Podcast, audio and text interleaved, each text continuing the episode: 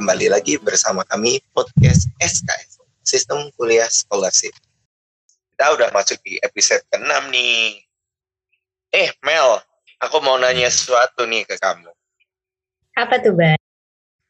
Hmm, kamu bukannya kerja di bagian riset kan ya di salah satu uh, rumah sakit, betul kan? Yes, bener banget. Kebetulan sekarang aku kerjanya di bidang penelitian, khususnya terkait dengan HIV/AIDS. Hmm, berarti kamu udah banyak sekali ya publikasinya. Hmm, kalau dibilang banyak itu masih jauh dari kata banyak dan yang pasti sekarang masih harus belajar banyak hal lagi nih. Ditambah saat ini banyak ilmu-ilmu baru yang harus aku miliki. Oh, kebetulan banget nih. Eh, kamu pengen ku kenalin sama temanku ini nih. Dia udah cukup banyak ber, berkecimpung dalam dunia riset. Kamu pengen tahu nggak? Eh, pengen banget dong, pengen dapat ilmunya nih. Hmm, kita belajar bareng nih. Jadi, teman kita ini salah satu award di LPDP Budi S3 Mel. Wow. Indonesia namanya Emi Purwoningsi. Beliau sekarang melanjutkan program doktoral di bidang biologi, ilmu biomedik di Universitas Indonesia. Penasaran kan? Pastinya. Oke. Okay. Please welcome Emi Purwoningsi.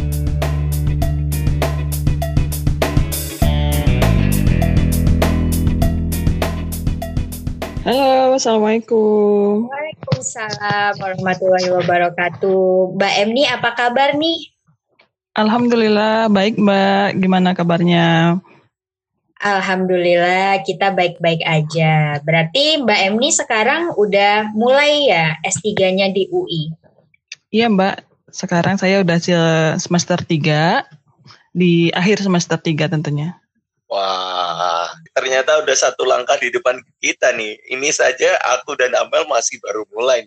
Aku pengen tahu nih Mbak, uh, riwayat pendidikan Mbak Emi dari S1 hingga S3 mungkin bisa diceritakan secara singkat nih gimana perjalanannya uh, dari sarjana hingga uh, doktoral ini. Uh, aku S1-nya itu di Universitas Negeri Medan uh, aku ngambil uh, pendidikan biologi, jadi basicku itu pendidikan biologi. Uh, jadi guru sih harusnya. Jadi, kemudian uh, untuk S2 aku ngambil di biomedik karena tadinya pengennya masuk kedokteran, tapi ya banyak pertimbangan akhirnya yang dekat-dekat sama jurusan kedokteran. Di S2 itu ya aku ambil biomedik, ilmu biomedik dan S3 supaya linier juga mengambil ilmu biomedik di UI. Gitu Mas Bas. Oh, berarti semuanya tentang ini ya, masih linier dari uh, ilmu biologi terus biomedik ya Mbak ya? Hmm. Iya, masih, masih. Gimana Mel menurut Mel? Iya sih, Nas. Aku penasaran nih Mbak Em nih abis lulus S1, Mbak Emi punya kesibukan apa ya? Nah, uh, aku sempat ngajar, jadi ngajar di eh, SMA swasta dan mengajar di eh, SMP swasta di Kota Medan. Jadi nyambi sambil karena nah karena jadi guru itu juga ternyata banyak tuntutannya.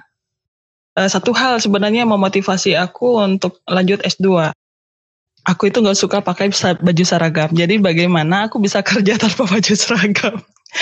Akhirnya aku oh kayaknya jadi iya jadi dosen nih ini lebih ini maksudnya ya jadi motivasi aku tuh untuk ngelanjutin studi kayak gitu. Oke, berarti dari hal simple, oh nggak suka pakai seragam, akhirnya Mbak Emni lanjut di USU ya waktu itu ya? Iya, aku ngelanjut di USU S2-nya. Terus abis S2 nih Mbak, mungkin ada pengalaman pekerjaan atau profesional atau training apa mungkin? Nah, eh, setelah setahun ya, eh nggak nyampe satu tahun aku selesai. Nah, aku tuh eh, ini juga sebenarnya yang melatar belakangnya aku ngambil S2 biomedik karena aku dengar eh, satu kampus swasta yang saat ini tempat aku bekerja itu akan membuka kedokteran. Nah, uh, aku searching, aku aku pelajarin uh, gimana misalnya kan artinya peluang aku untuk bisa masuk di situ uh, aku pelajari. Sepertinya uh, ilmu dasar biomedik itu ilmu dasar kedokteran.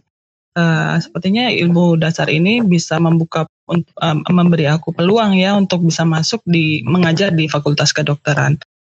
Dan alhamdulillah uh, begitu selesai mereka sudah satu tahun buka dan benar uh, membutuhkan. Kebetulan aku ngambil konsentrasinya itu biomedik tuh ada beberapa konsentrasi. Aku ngambil di biokimia.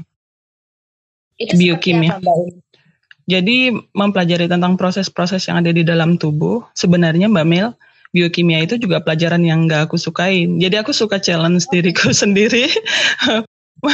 Iya, mengambil sesuatu yang uh, aku kurang suka. Jadi kenapa aku nggak suka ya? Aku harus cari tahu seperti itu.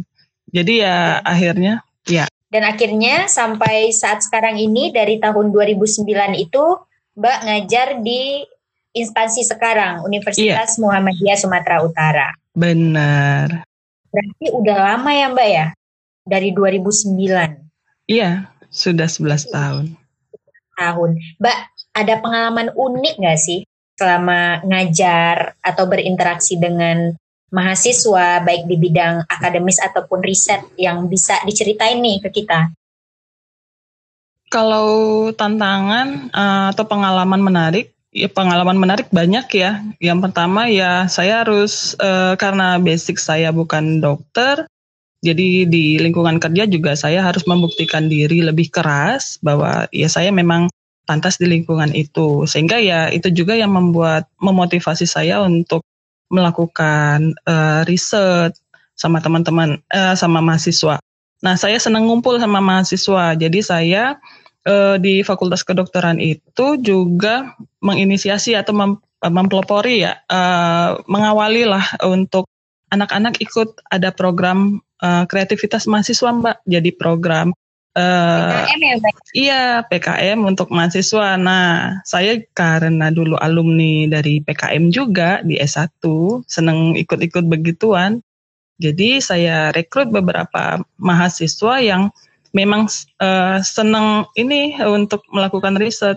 Nah, jadi ngumpul sama mahasiswa, kita bikin proposal bareng, cari ide bareng, itu sampai malam ya, sampai jam 11. Jadi kalau Sapam itu tahu kalau nggak pulang berarti ada saya sama mahasiswa. Kalau kantor saya masih nyala lampunya, seperti itu. Mbak ini jujur menarik sekali ya. Jadi dalam artian uh, sebagai seorang staf mengajar, Mbak Emni juga fokus terkait dengan penelitian dan juga pengabdian. Karena kalau kita bicara tentang program kreativitas mahasiswa itu menghasilkan sesuatu yang bermanfaat bagi publik, baik dari segi ranah pemerintah maupun masyarakat. Nah, Tentunya. yang pengen aku tanyain nih Mbak, ada nggak sih Mbak eh, selama ngajar itu salah satu hasil riset atau hasil PKM yang sekarang prototipenya udah jadi atau udah dimanfaatkan oleh masyarakat seperti itu?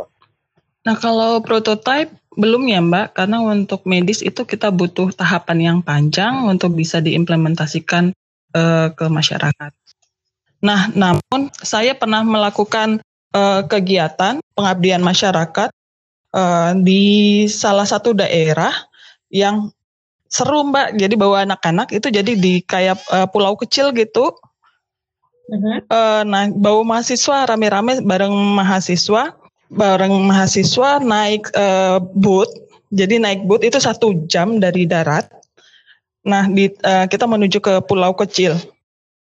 Nah, seperti itu. Jadi anak-anak tuh jadi punya uh, pengalaman yang berbeda. Itu kegiatannya apa, Mbak, kalau boleh tahu? Kegiatannya itu kita uh, mengedukasi masyarakat tentang gizi, Mbak. Tentang gizi.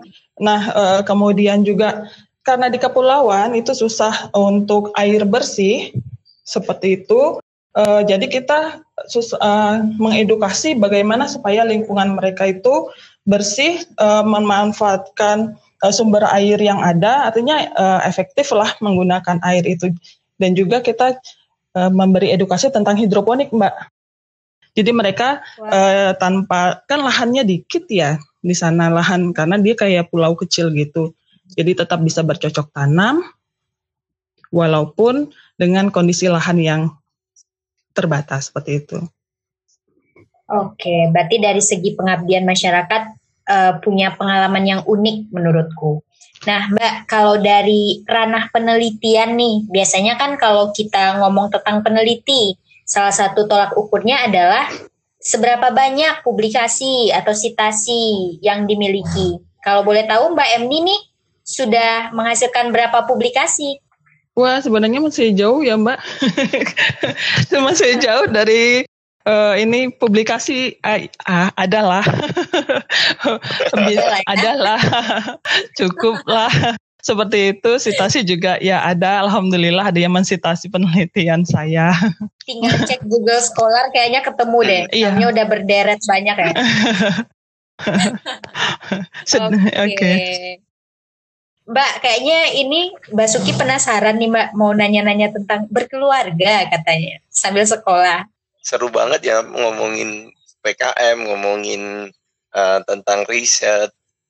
Uh, selain sibuk belajar, uh, gimana sih Mbak menurut uh, Mbak Emi untuk ngatur waktu biar proper antara antara kehidupan dunia perkuliahan dengan keluarga? Apalagi kalau misalnya uh, LDR kayak gitu mbak?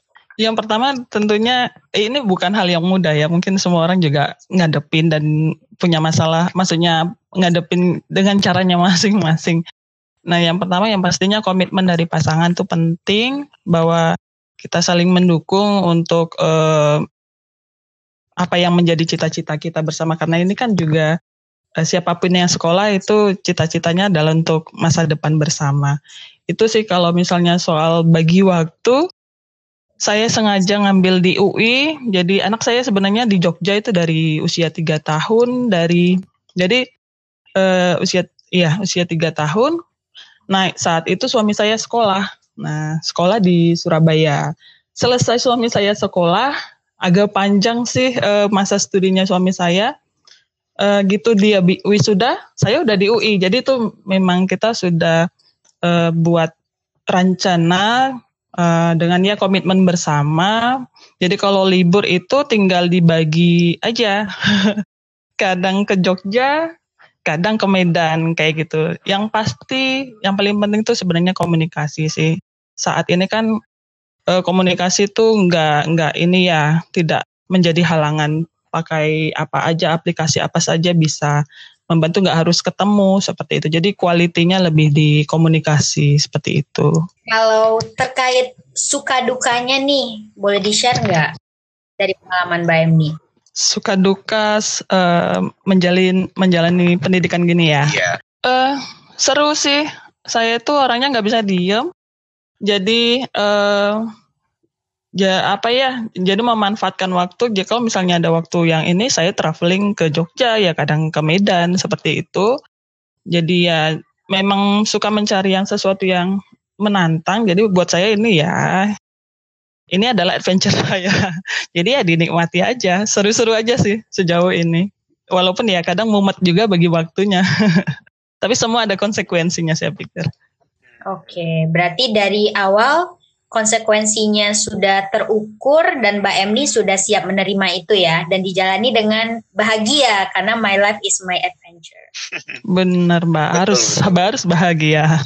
Aku penasaran sih Mbak, ini uh, terkait bagi waktu dengan anak nih. Kadang kalau masih usia-usia yang kita, kita perlu pendekatan khusus ini ke terhadap anak di tengah kita belajar itu gimana sih Mbak Emi uh, memanage itu semua? Nah, kebetulan aku LDR eh, sama anak itu dari dia usia tiga tahun, jadi eh, dari kecil itu uh, memang sudah sering aku tinggal pergi. Kebetulan kerjaan aku juga uh, selain di kampus, uh, alhamdulillah dapat amanah untuk sering uh, keluar kota, ditugaskan di luar kota. Uh, saat ini malah kalau nggak pandemi biasanya udah uh, ke luar negeri kita promosi kampus. Nah kita udah uh, dari awal itu memang sudah uh, anak itu udah diajari cara komunikasinya orang dewasa, cara berpikirnya orang dewasa. Jadi artinya saya begini itu karena apa seperti itu. Jadi sesuatu apa yang kita lakukan itu reasonnya itu harus kita sampaikan ke dia.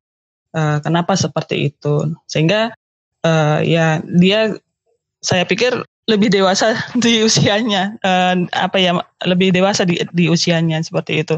Walaupun ya kadang saat ini usia-usia 11 tahun ya dia sekarang itu usia-usia kritis, kritis sudah uh, sudah bisa mengkritisi kita kenapa begini, kenapa kok uh, saya nggak seperti orang lain bisa ngumpul sama orang tuanya.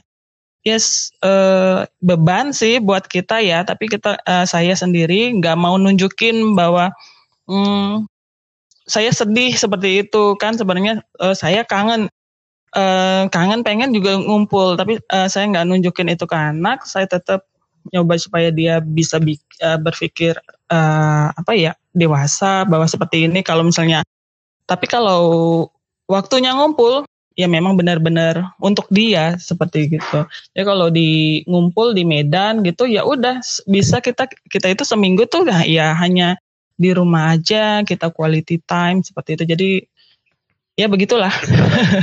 tapi tetap uh, satu rumah kan uh, anaknya tetap dia sama Mbak Emi atau kadang ikut sama suami atau gimana nih atau dititipkan ke nenek bahkan?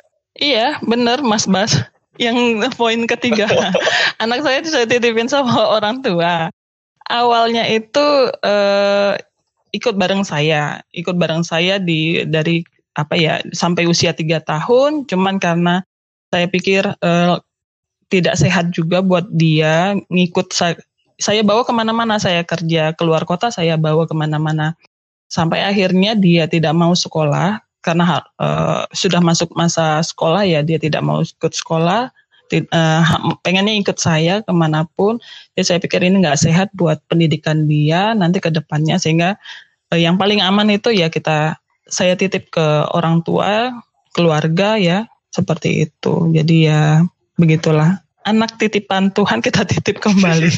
oh, okay. gak itu rebel Mbak? Maksudnya uh, masa transisi di mana Mbak Emi ini mulai asuhkan ke nenek atau ke orang tua Mbak Emi atau orang suami. Sempat rebel nggak? Gimana adaptasinya menurut Mbak? Apa susah atau perlu pendekatan yang seperti apa? Nah, karena juga anak saya itu sangat dekat sama uh, orang tua saya, sebenarnya enggak begitu sulit uh, untuk adaptasi. Uh, yang penting uh, apa ya durasi komunikasi. Jadi kalau misalnya telepon apa gitu, kapan dia mau telepon ya kita harus uh, bersedia seperti itu. Kalau anak saya ya alhamdulillahnya uh, dia tidak rewel. Kemudian kalau misalnya liburan kayak liburan, nah kita kita kasih kebebasan tuh sama dia. Mau pilih mana saya yang datang ke Jogja atau dia yang pulang ke Medan. Seperti itu. Dan uh, ya karena itu ya konsekuensinya seperti itu. Jadi kemarin uh, dua tahun yang lalu. Nah dua tahun yang lalu uh, itu pertama uh, pengalaman saya kasih pengalaman ke dia dia pengen pulang ke Medan saya katakan boleh pulang ke Medan tapi naik pesawat sendiri bagaimana? Suami saya malah waduh anaknya disuruh pulang sendiri tapi eh, nggak uh, apa-apa itu ngajarin dia untuk mandiri. Akhirnya uh, kalau enggak enggak pulang ke Medan. Uh, ya akhirnya dia mau oke okay, mau pulang ke Medan nggak apa-apa naik pesawat sendiri. Ya ya saya dengan itu ya alhamdulillah dia senang malah dia dapat apa ya pengalaman bahwa dia cerita kalau dikasih kesempatan untuk bisa duduk di kokpit, nah seperti itu saya saja belum pernah duduk di kokpit, jadi dia excited. seperti itu. Kalau boleh tahu itu usia berapa mbak? Yang waktu uh, dua tahun yang lalu. Kira-kira usia berapa itu? Sembilan tahun mas. Sembilan tahun udah naik pesawat sendirian. iya, iya. Karena kalau enggak yang jemput harus bolak-balik Mas biayanya lebih ini lagi. Jadi kita juga iya. memperhitungkan. Mbak Emi, tadi kan kita udah bahas free time bersama keluarga nih. Cuman kalau kita bawa ke kondisi sekarang, Mbak Emi lagi di Jakarta, terus anak dan suami di tempat yang berbeda, sambil nulis research dan lain-lain. Nah, kalau dari Mbak Emi sendiri nih, pas di Jakarta lagi lowong atau ada waktu buat main, free time-nya biasanya ngapain, Mbak? Uh, saya benar-benar masa pandemi ini jadi kupu-kupu mbak kuliah pulang kuliah pulang. Nah riset saya kebetulan sudah jalan riset uh, dan itu alhamdulillah uh, dapat koprom uh, prof dari Kanwon University Korea. Jadi uh, dengan beliau visiting uh, profesor di uh, FKUI.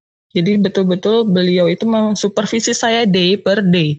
Jadi saya nggak bisa ini toh uh, apa ya nggak bisa main-main maksudnya nggak bisa lengah seperti itu. Jadi uh, benar-benar yang harus strict waktunya ngikutin jadwal beliau. Tapi alhamdulillah beliau baik banget jadi saya banyak dapat ilmu seperti itu. Jadi ya saya anggap uh, itu adalah kesempatan emas buat saya yang tidak semua mahasiswa itu dapat jadi ya saya nikmati aja itu. Anggap aja saya kayak kayak berangkat di Korea ketemu sama prof dari Korea. Seperti itu. Jadi free time-nya itu so malam udah di rumah di kos istirahat ya paling juga video call sama keluarga anak suami itu aja sih. Oke luar biasa. Nah Mbak, kita udah bahas banyak banget tentang keluarga. Ini pendengar kita kayaknya penasaran nih Mbak. Gimana sih dapetin beasiswa LPDP khususnya buat S3? Mbak Em nih boleh cerita nggak nih perjalanannya seperti apa?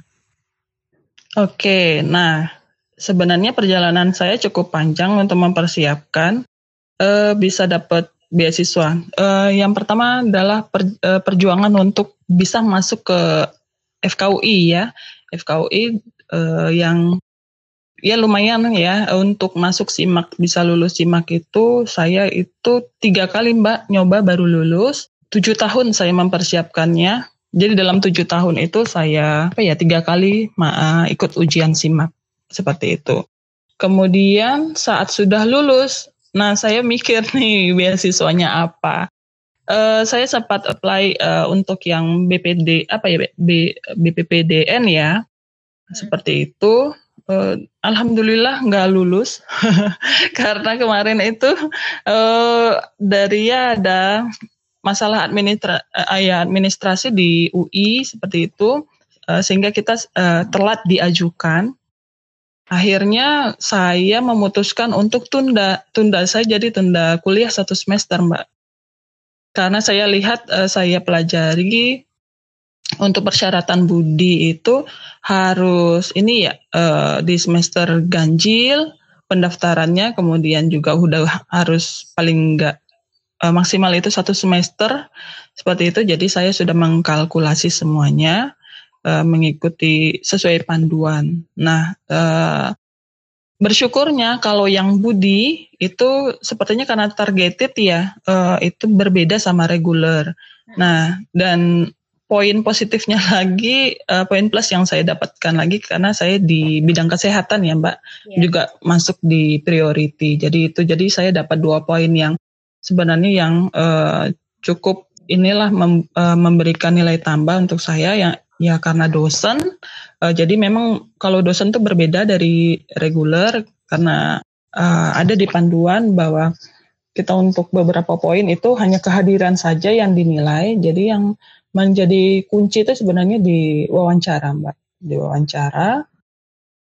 Kayak gitu. Jadi ya benar-benar untuk mempersiapkan wawancara. Seperti uh, untuk materi wawancara.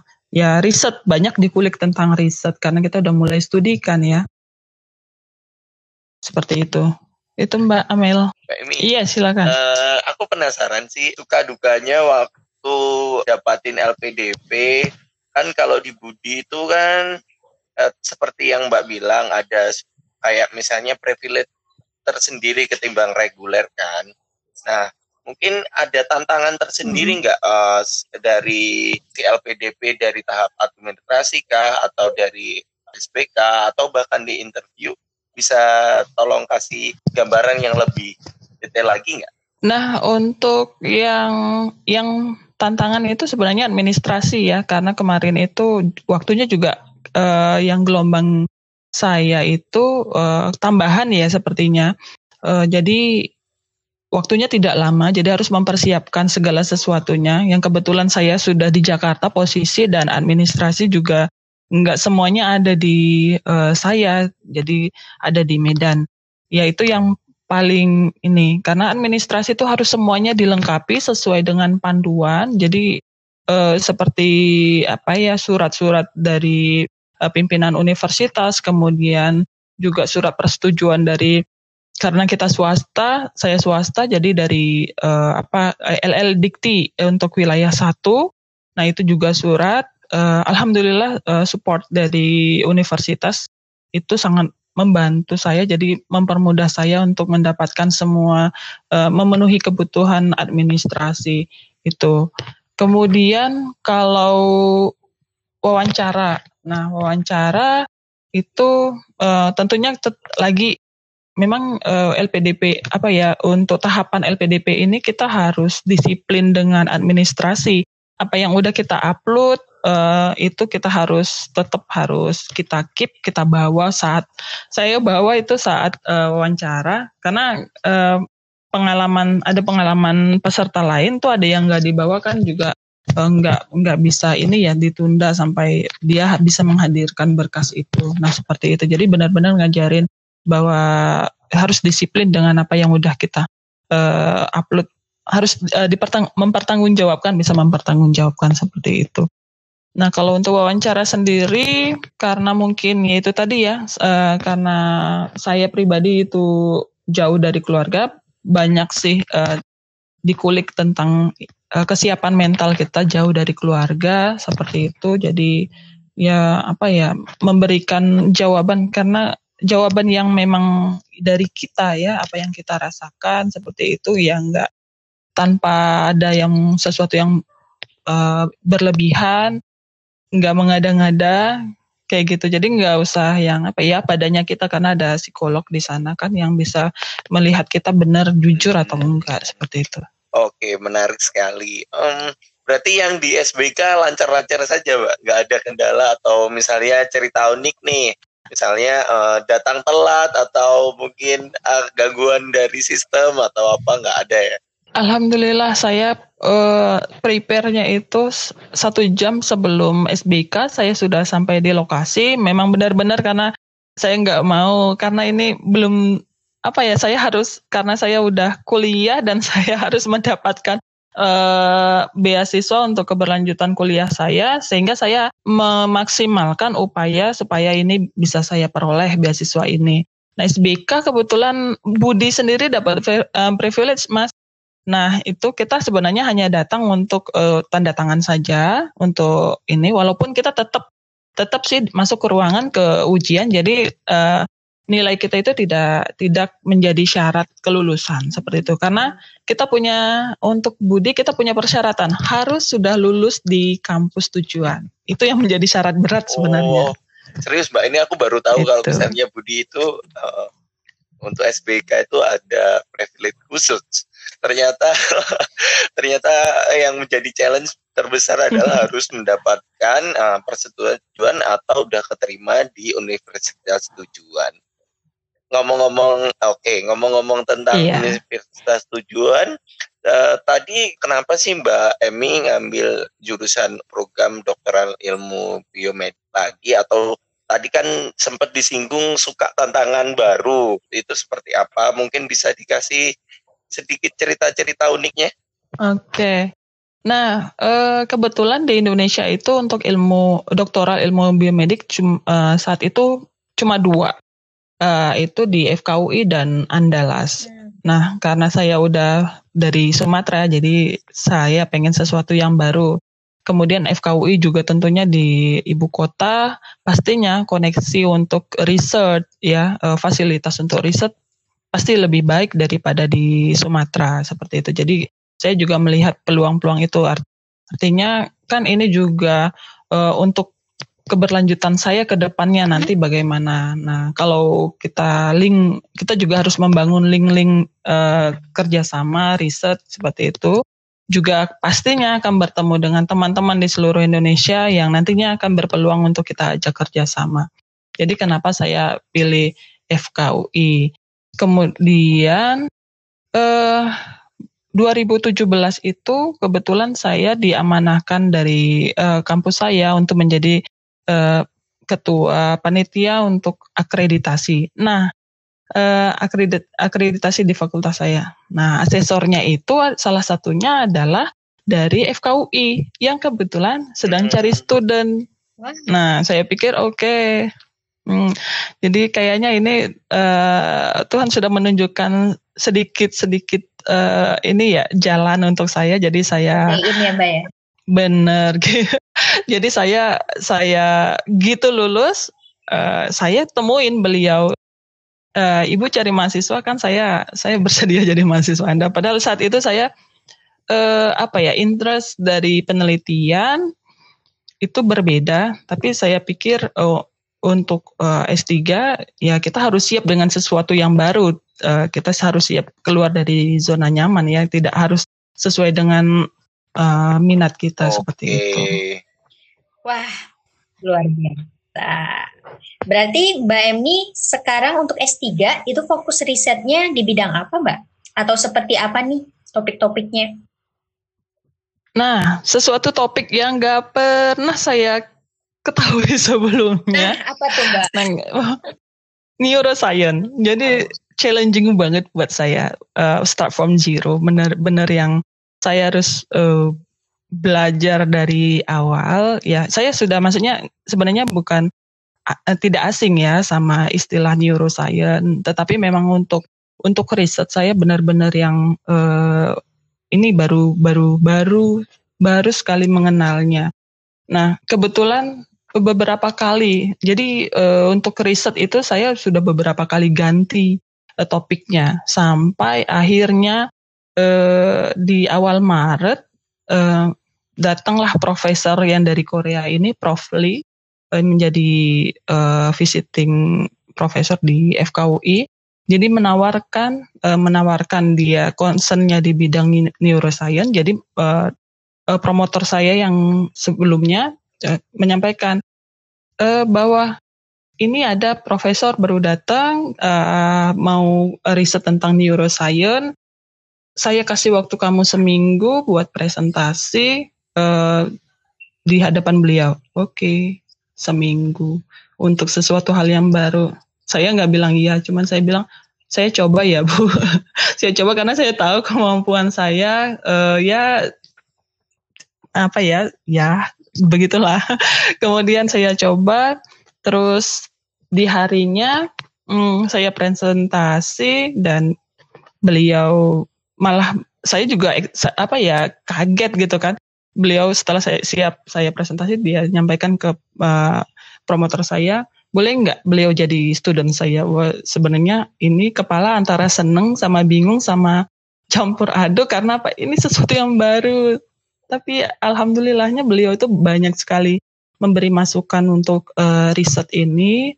Tentunya tentang teknik ya Mbak, uh, lebih ke teknik gimana ini riset ini uh, tekniknya gimana, untuk handling handlingnya gimana karena memang saya nggak punya gambaran sebelumnya hanya belajar dari YouTube tapi kan uh, penelitian itu uh, dengan animal ya Mbak hewan coba itu tricky banget, tricky banget. Jadi kita mentreat uh, hewan itu kayak ya karena makhluk hidup ya itu tricky. Ada kondisi-kondisi yang nggak bisa kita kontrol. Itu uh, saya banyak uh, belajar dari Prof. Lee. Ya alhamdulillah jadi ya sampai saat ini sejauh ini masih lancar. Mudah-mudahan ke depan juga masih Amin. lancar. Amin. Wah, luar, Amin. luar biasa. Aku dapat gambaran nih tentang apa yang Mbak Emi sudah lewati dan apa yang sedang dilakukan. Mbak, dengan sebegitu banyak pengalaman dan cita-cita apa yang dilakukan saat ini, Mbak Emi ke depannya mau ngapain sih sebenarnya? Hal besar apa yang pengen dilakukan? Nah, aku emang karena concern di awal itu concernnya research, jadi beberapa uh, aku pengen buat research center ya di Sumatera gitu. Jadi pengennya kampus aku itu jadi kayak uh, center of excellence uh, of excellence dari riset. Uh, kebetulan aku concernnya itu tentang uh, herbal medicine, ya jadi tentang pemanfaatan uh, tanaman sebagai yang berpotensi sebagai obat Nah, neuroscience juga ini aku memanfaatin tanaman obat, Mbak. Uh, jadi uh, masih masih ada linknya lah dengan uh, apa ya uh, uh, yang sebelumnya penelitian sebelumnya tentang herbal. Jadi ya pengennya itu karena apa?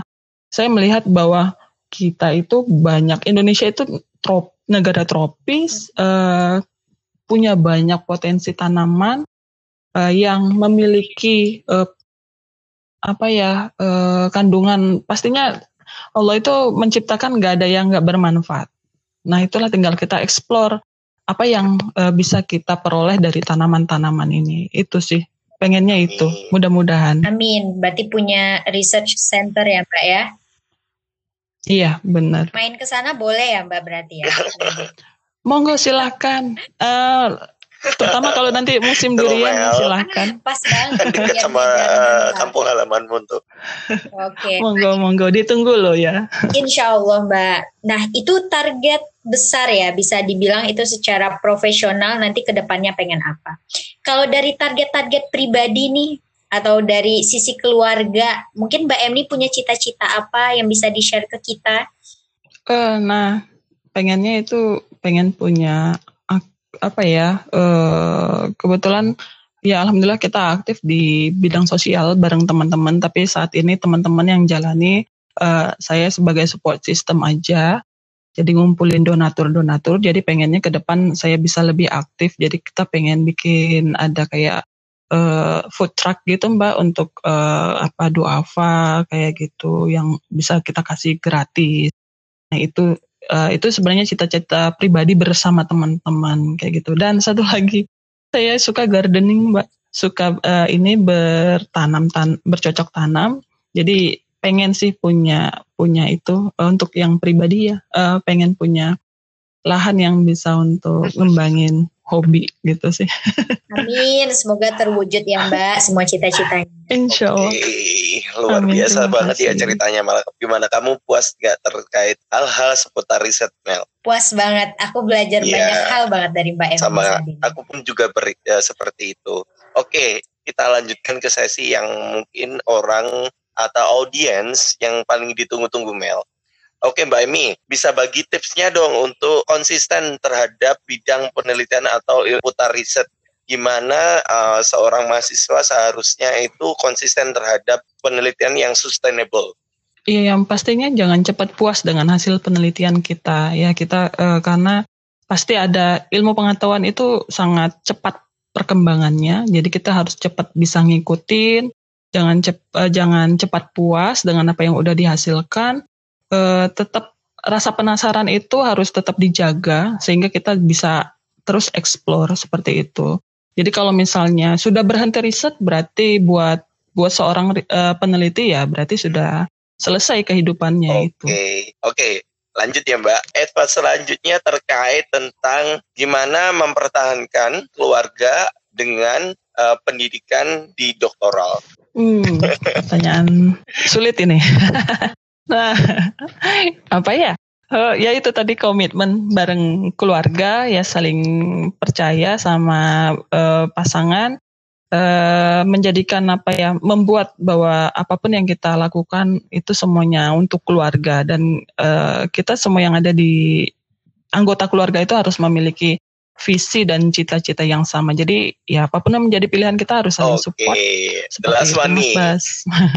Gimana tips and trick syaratnya untuk dapatin beasiswa LPDP khusus program doktoral? Nah, tentunya yang menjadi kunci itu adalah sukses dulu lulus di universitas tujuan itu.